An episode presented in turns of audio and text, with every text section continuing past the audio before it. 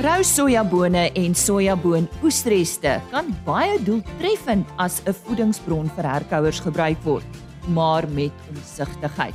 Esmerie Rautenbach van Feedtech verduidelik vir oggend vir ons wat sy hiermee bedoel. Dan is Dr Gerard Verdoren van CropLife SA ook aan die woord. Hy tydens die Rovasa Kongres gewaarsku dat daar 'n toename in die gebruik van ongeregistreerde veemedisyne is. Ek gesels ook met Eddie Visser van African Infusion. Ek het hom daar by die Kaasfees raak geloop oor CBD geïnfuseerde produkte en wat die regulasies stipuleer. Daar's ook nie so 'n veiling, so bly ingeskakel.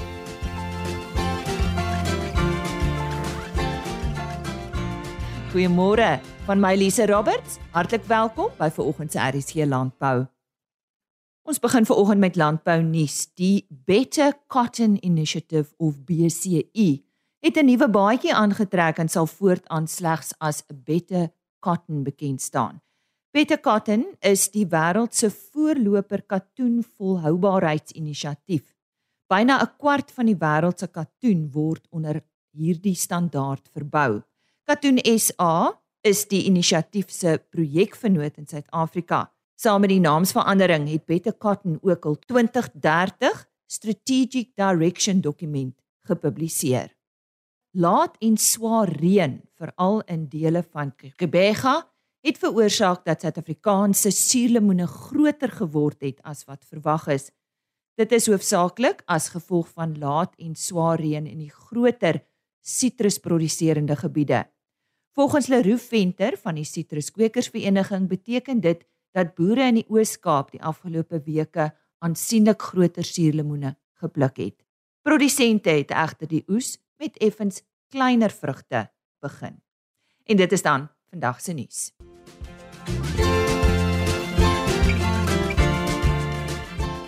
Ons gesels nou met Kobus Poggenpoel. Nou uh, dis 'n veiling waaroor ons gesels en dit vind sommer reeds volgende week plaas en dit is die Poggenpoel Molopo Bonsmara se 17de produksieveiling. Kobus, ja, vertel ons eers van Poggenpoel Molopo Bonsmara so kort geskiedenis. Goeiemôre. Goeiemôre Lisa, goeiemôre luisteraars. Wat die geskiedenis aanbetref, ons is die oudste Bonsmara genetika in die land waarmee Prof Bonsma oorspronklik mee begin het. So dit is ons het baie ou genetika. Waar presies is julle Kobus? Ons is uh, as as 'n mense reguit lyn trek tussen Mafeking en Stella en jy projekteer van van Mafeking en Stella af soos 'n driehoek dan dan lê ons baie na aan die Bots, Botswana grens. Ons is basies halfpad tussen Vryburg en Stella maar ons lê teen teen die Botswana grens. Vertel ons wat is op aanbod en uh, dan uh, ja, so bietjie iets dalk meer spesifieks oor die diere waaroor jy wil gesels. Ja, ek kom ek sê vir jou wat die aanbod uh, wat die aanbod betref, sal ek sal ek begin met die bulle. Ons uh, bied 80 veld aangepaste bulle aan. Ons lê baie klem, groot klem op veld aangepaste diere. Ons wille word nooit in die kraal toegemaak nie, maar kry net 'n afrondingsrantsoen op die veld om hulle veiling gereed te kry. Die wille is goed bevlees met goeie kapasiteit en diepte, lengte en breedte. Wat die vroulike diere aanbetref, daar is 10 top stoetkoeie op die veiling wat uit ons 20 beste koeie van ons kudde kom. Hulle is bewese lyne en is goeie bulmoeders. Wat ek daarmee bedoel is, dit is dit is koeie wat hulle self bewys het in ons kudde en en daai en daai koeie het al vir ons goeie bulle geteel. Die die wat die vroulike diere aanbetref, die 200 vroulike uh, kommersiële uh, diere uh, is bestaan uit al die verskillende stadiums, naamlik 3 aan 1 koeie met kalwers en dragtige diere en oop verse. En wat ons vroulike diere aan self betref, ons konsentreer op 'n goeie speengewig verhouding. Aan die ander woorde, ons probeer swaar speenkalwers tref, 'n speen met medium ram koeie en dan gee dit vir ons 'n speengewig 'n speengewig verhouding van bo 50%. Wanneer en waar is hierdie veiling Kobus? Die veiling is 11uur die 31ste Mei te Stella by Noord-Kaap Lewende Hawe 'n uh, veilingskompleks. En dalk miskien ander inligting wat vir voornemende kopers van belang is wat jy graag met ons wil deel? Uh almal is welkom. Uh ek bedoel wat uh, kom geniet die dag saam met ons en uh julle is almal welkom om die Poggenpoel Molopoop ons Mara se Facebookblad te besoek. So ek dink as iemand bietjie meer uh, inligting of video's van die bulle soek en hulle besoek daai Facebookblad dan behoort hulle behoort hulle meer inligting daar te kry of hulle self te vergewis van al die feite en al ons nommers is mos beskikbaar ek en die twee seuns so iemand enige iemand wat meer inligting wil hê kan enige een van my of die twee seuns 'n kontak Nou ja, so sê Kobus Poggenpoel, hy het vandag gesels oor uh hulle veiling wat op 31 Mei plaasvind. Dit is by die Stella Veilingskompleks en dit staan bekend as die Poggenpoel Molopo Bonsmaras se 17de produksieveiling. Kobus vir meer inligting moet hulle jou maar skakel. Hulle enige tyd, hulle is welkom. Goed, kom ons gee Kobus se telefoonnommer is 082 946 9677 Kobus Poggenpoel 082 946 9677 As jy nou hier by ons aangesluit het, baie welkom. Jy's ingeskakel vir RSG Landbou. Dis net hier op RSG vanaf 5uur tot 6:30 van my kant af, Maandag tot Donderdag. Rou sojabone en soja oesreste kan baie doeltreffend as 'n voedingsbron vir herkouers benut word, maar met omsigtigheid. Nou so sê Esmerie Rautenbach van Fitech en sy se voedingskundige daar in die Newcastle omgewing. Ek gesels nou met haar oor hierdie onderwerp. Esmerie, wat is die voedingswaarde van rou sojabone en hoe kan dit gebruik word as 'n voedingsbron vir herkouers? Goeiedag Lise en luisteraars. Nou sojabone is 'n goeie bron van proteïen en energie, maar is ook hoog in vet. Die gehalte van die plante kan beïnvloed word deur grondbemesting, stikstofbinding en klimaat. Rooi rou sojabone kan as 'n voedingsbron gebruik word vir herkouers op die volgende wyse.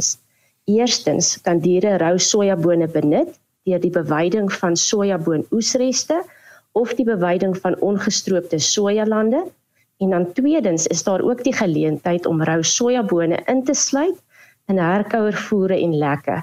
Nou dit alles moet egter baie omsigtig gedoen word, aangesien die gebruik van rou sojabone 'n paar potensiële slaggate inhou. Waarom sê jy met omsigtigheid? Wat is die slaggate? Nou, rou sojabone bevat verskeie antivoedingsfaktore wat die insluiting in herkouervoere en lekke asook die beweiding van oesreste uitdagend maak. Daarom word rou sojabone gewoonlik verwerk deur hitte en drukprosesse in die vervaardiging van volvet soja en sojaboonoliekoek om sodoende die antivoedingsfaktore van rou sojabone te neutraliseer. Maar vir die doel van hierdie bespreking gaan ek fokus op rou of nie verwerkte sojabone en daarom dan die slaggate. Nou ek gaan so vier slaggate uitlig.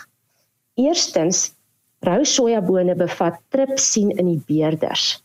Nou dit is 'n ensiem in rou sojabone wat proteïenvertering in die dier se spysverteringskanaal onderdruk. Nou die tripsien in die beerders kan die volgende nadelige gevolge hê.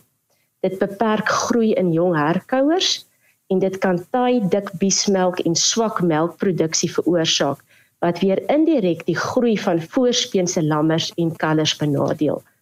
En tweedens, Rou sojabone bevat ook 'n urease ensiem. Hierdie is van belang in die nerkouers voer ontvang wat rou sojabone asook ureum bevat. Nou die urease ensiem kan die volgende nadelige gevolge hê: verlaag voerinnames, dit verlaag produksie, gee swakker vrugbaarheid en selfs ammoniakvergiftiging. Nou normaalweg word dit nie aanbeveel dat rou sojabone in 'n kombinasie met ureum in herkouervoere en lekke gebruik word nie. Maar deur ureum vlakke oordeelkundig afwaarts aan te pas, kan dit wel suksesvol gedoen word. Nou derdens, die vetinhoud. Nou sojabone het 'n hoë vetpersentasie. Daarom behoort insluiting daarvan in voere en lekke beperk te word. Die hoë vetinhoud kan die volgende nadelige gevolge hê. Dit onderdruk veselvertering in die rumen. Dit onderdruk kalsium, magnesium en Vitamiene A absorpsie en dit veroorsaak fluktuasies in voerinname en veroorsaak gevolglik diarree. En dan laastens, dis beter om sojabone eerder in die gemaalde vorm te gebruik, want dit verhoog die verteerbaarheid daarvan en dit verhoed uitsak asook selektiewe vreet deur diere. So wat is die oplossing? Watter riglyne kan gevolg word indien rou sojabone as 'n voedingsbron gebruik word? Goed, waar rou sojaboon oesreste bewy word, is die korrekte lekaanvulling en aanpassingsprogram baie belangrik. Dit sal waarborg dat sojaboon oesreste suksesvol gebruik kan word in 'n voervloeibeplanning sonder nadelige gevolge. Maar waar jy rou sojabone in herkouer voere en lekke insluit, hoort sojaboon insluitingsvlakke beperk te word tot 'n maksimum insluiting van 10% van die totale rantsoen in voere en lekke. Nou rou sojabone word egter nie aanbeveel in die voere van jong groeiende diere nie. Irium kan ook oordeelkundig saam met rou sojabone in herkouer voere en lekke ingesluit word, maar veilige irium insluitingsvlakke sal verskil na gelang van die tipe voer en die tipe lek. Die sleutel tot sukses is egter om saam met 'n voedingskundige te werk. Ja, dis waar jy inkom. Baie dankie Esmerie Rautenbach. Sy is 'n voedingskundige daar in die Newcastle omgewing vir Vitek en sy het vandag vir ons raad gegee oor uh, rou sojabone en soja oesreste as voedingsbron vir herkouers. Vir meer inligting besoek gerus hulle webtuiste www.feedtech.co.za. Ah, daar's ook 'n artikel in die nuutste veeplaas tydskrif die Mei uitgawe oor hierdie onderwerp.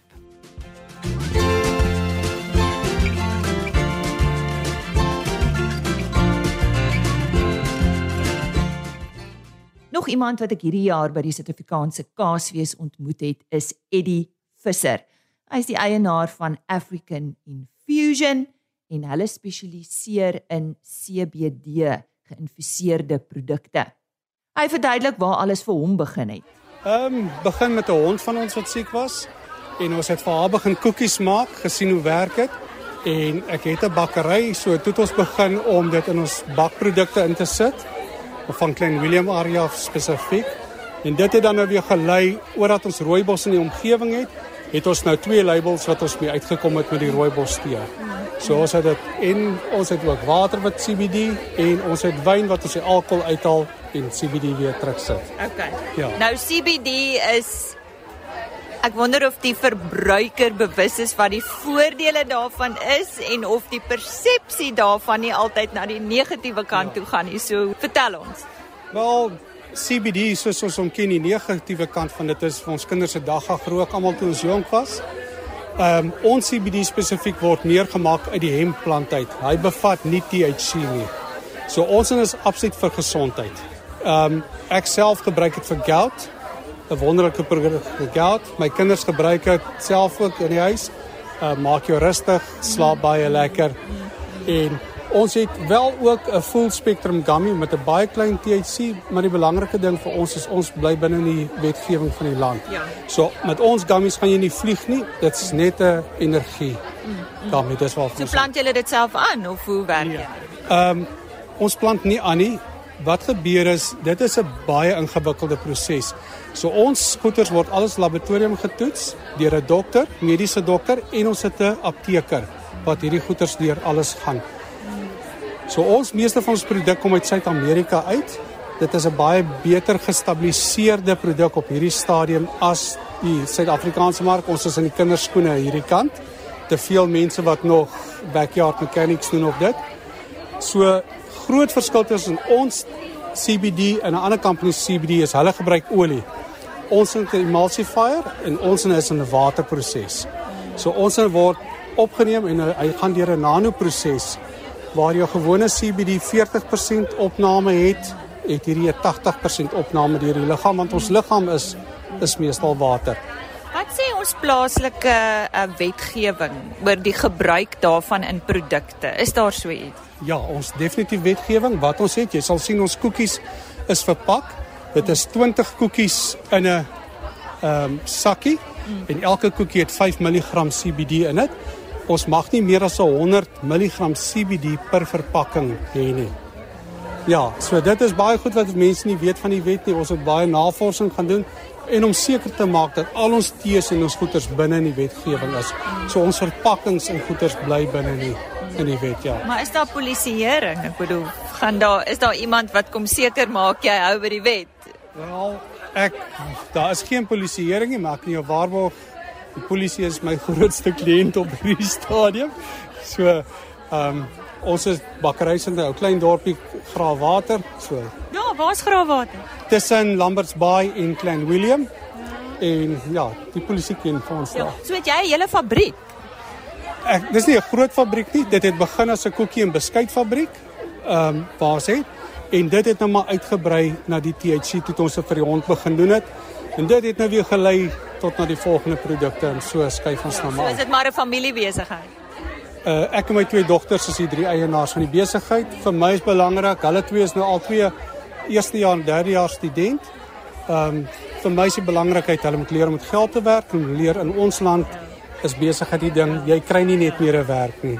Moet... Nou uh, ons is al am, amper deur dag 1 of sal ek sê so halfpad deur dag 1 ja. van uh, julle teenwoordigheid hier by die Kaapskou en hier's baie studente vandag en hulle ja. stel natuurlik baie belang. So wat se vrae kry jy? Die eerste een wil weet ehm um, gaan ons vlieg met hierdie dit dit kry ons gereeld. Ja. Ehm um, en dan ons het twee groepe, ons het die jong mense en dan ons die ouer mense. Die ouer mense lyk my in Suid-Afrika is baie bewus van CBD se gesondheidsvoordele. Die ehm um, die jonger mense, vir hulle is dit nou nog grappies en so. Ja. My eie dogters gebruik CBD ons gummies spesifiek vir wanneer hulle studeer. As 'n uh, dit helderheid dit help vir konsentrasie en daai tipe goeders ja. ja. ja. Waar ons ehm um, suiwer CBD produkte, die koekies, die tee maak jou rustig, kalmeer mm. en dit is 'n baie unieke produk wat konstant besig is om herstelwerk in jou liggaam te doen. Ja. So sê Eddie Visser, eienaar van African Infusion. En ek het vanjaar by die Suid-Afrikaanse Kaasfees met hom gesels. Dit was daar buite Sandringham en hierdie geleentheid word jaarliks aangebied deur Agri Expo. Ruvasa of die Herkouer Veterinêre Vereniging van Suid-Afrika het uh, vroeër in Mei maand kongres gehou. Karen Venter was daar vir die wat gereeld na RC Landbou luister. Sy het met heelwat van die sprekers gesels. Luisteraars, hier's natuurlik 'n bekende naam onder al die ander bekendes vandag hier by Rufasa se tweede dag van die konferensie en dit is Dr Gerard Verdoren. Ek is baie seker van julle het hom nou al ontmoet in persoon. En ehm um, dokter gesels vandag so 'n bietjie oor die ongeregistreerde middels wat in die mark is en um, wat vir vee gebruik word en wat moeilikheid veroorsaak as ek dit reg verstaan. Ja, kyk, ons het in Suid-Afrika 'n baie goeie regulatoriese stelsel wat al die kom ons sê maar dieremedisyn reguleer. 'n Groot deel daarvan val onder Wet 36, deel val wet onder Wet 101 en daar is as mens sê 'n handvol, 'n mandjievol middels wat die boer kan gebruik om sy vee mee te beskerm en die vee mee te genees as daar 'n probleem kom, het sy vir die boer homself of dan vir die veearts wat inkom plaas te met die resterende middels. Ongelukkig soos in enige samelewing is daar altyd die een kant van die spektrum wat net nie gehoor gee aan wat die wet en etiek sê nie. En ons sien er veral in die afgelope 4 of 5 jaar 'n gewellige toename in middels in Suid-Afrika wat vir dieregesondheid gebruik word wat glad nie geregistreer is. Dit sal wees onder andere dipstowwe wat gebruik word vir parasietbeheer. Dit sal byvoorbeeld wees die wurmmiddels wat gebruik word vir interne parasietbeheer word gebruik vir al die vaksines of dan die enstowwe wat uiters gevaarlik is wat my betref.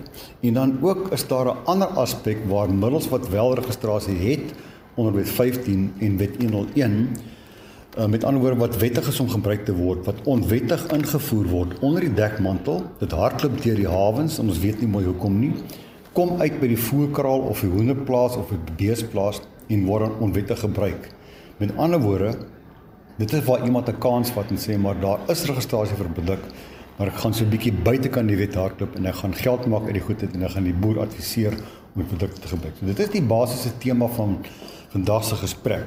En Ek wil vandag vir die mense uitwys van wat in die mark aangaan. Met ander woorde, watse middels sien ons in die mark wat rondhardloop? Het sy oor die rak van 'n kleinhandelaar of het sy uit die hande van 'n onetiese professionele persoon of het sy sommer hier van 'n bakkie af aan die agterkant?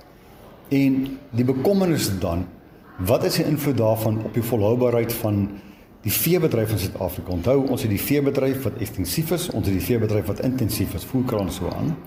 En in beide van daai twee koms komplemente van die veebedryf sien ons hierdie onwettige of onetiese bedrywighede aan die gang is. Daar's 'n hele paar ernstige vraestukke. Eerste plek, is daardie middels wat nie geregistreer is nie, gaan dit vir die boer die nodige beskerming vir sy diere gee as hy sy diere wil byvoorbeeld inent teen 'n bepaalde siekte of kan hy siekte beheer as die diere wel die siekte opdoen met daardie ongereguleerde middels? Die tweede vraag wat opkom baie keer is dan as die boer sulke middels gebruik, wat is die risiko daarvan dat daardie middels in die vleis of in die melk of in die wat ook al agterbly wat oorgedra word na dit wat die mens wat die verbruiker van die rakke afkoop? En ons weet mos nou al die die roemer hardloop lekker. As jy verkoue het, eet 'n hoender want dit is soveel antibiotika, het genoeg antibiotika om jou gesond te maak. Nou dit is maar een van daai dinge wat ongelukkig in die mark hardloop, maar dit is 'n feit van 'n saak dat daar word dikwels geweldige volumes antibiotika, makrolide, groei hormone gebruik in die intensiewe landbou wat nie verklaar word nie. En dan begin die vraag te ontstaan, maar hoekom voel mense effens snaak? Hoekom voel mense siek? Hoekom kry mense byvoorbeeld leweraandoenings en hartaandoenings en goeters? En my hipotese is daar's baie van die produkte wat gebruik word wat onwettig gebruik word wat oorgedra word na die mens toe as gevolg van die verkeerde gebruik. Nou kom ons gaan terug na die beginsel toe. As die produsent of die veearts die regte middels gebruik wat in terme van wet 101 of wet 36 geregistreer is, is daar in beginsel geen probleem as jy etikette streng navolg. Die oomblik as jy 'n middel gebruik buitekant daai registrasie of 'n middel gebruik wat nie 'n registrasie het nie, Onmiddellik is die plek se rooi vlae almal regop. Alarmklokke gaan aan, die brandweer hardloop en die ambulans begin hardloop want iewers te gaan daar 'n foutjie kom. En ons het al in Suid-Afrika hoeveel keer die afgelope dekade gesien waar daar voerkrale uitgewis raak of waar mense siek raak as gevolg van onwettige bedrywighede. Dit is vandag die beginsel wat ek vandag wil praat met die Knoffiaatse by die Wasa Kongres. Nou dokter, as jy nou so praat, wat is 'n veearts se rol om die onwettige gebruik van sulke dieremiddels te voorkom? Onthou, vir my is die veearts, hy sy man of vrou, is daardie persoon wat die kudde op die plaas se gesondheid verseker vir die boer. En die boer vat baie keer 'n kans want hy kom hier op 'n jakkals die veld af wat sê maar oom ek het vir jou so doen goedkoop is. Hy gaan vir jou al die parasiete beheer. Hy gaan vir jou al die diere gesond maak totale nonsens. So die Fiat begin om sy kliënte wat die boere is op te lei te sê, maar kom ons volg die etiese pad. En sê vir mekaar dat as 'n middel nie registrasie het nie, is daai middel mees waarskynlik gevaarlik vir jou diere. Dit gaan nie jou siektes beheer nie. Jy gaan jou diere verloor, jy gaan jou inkomste verloor, jy gaan jou plaas verloor. En ek is die Fiat vir die personele persone wat ordentlik opgelei is in Suid-Afrika en jy is die produsent wat die kos moet verskaf vir die verbruiker buitekant met 'n vennootskap aangaan en sê ons gaan die wette streng nakom. Ons gaan die teks streng nakom, seker maak ons doen als binnekant die parameters van in terme van wet 101 van 1965 en wet nommer 36 van 1947. Met ander woorde, dis net die produkte wat registrasie het wat ons mag gebruik. Daar kom gevalle waar 'n Fiat wel 'n veemiddel mag gebruik buite registrasie, maar die oues opgelyk om my produk ordentlik te kan gebruik onder sy eie toesig op die dier wat hy moet behandel om seker te maak die dier word gesond gemaak. Maar die veearts se rol gaan wees om seker te maak dat sy kliënt nie buitekant die wet optree en gaan vir hierdie goedkoop van die bakkie of opsie wat aangebied word deur iemand wat hy nog nooit van tevore gesien het nie. Want die ou wat jy nog nooit van tevore gesien het nie, dis die ou wat vir jou die gemors gaan verkoop op die plaas.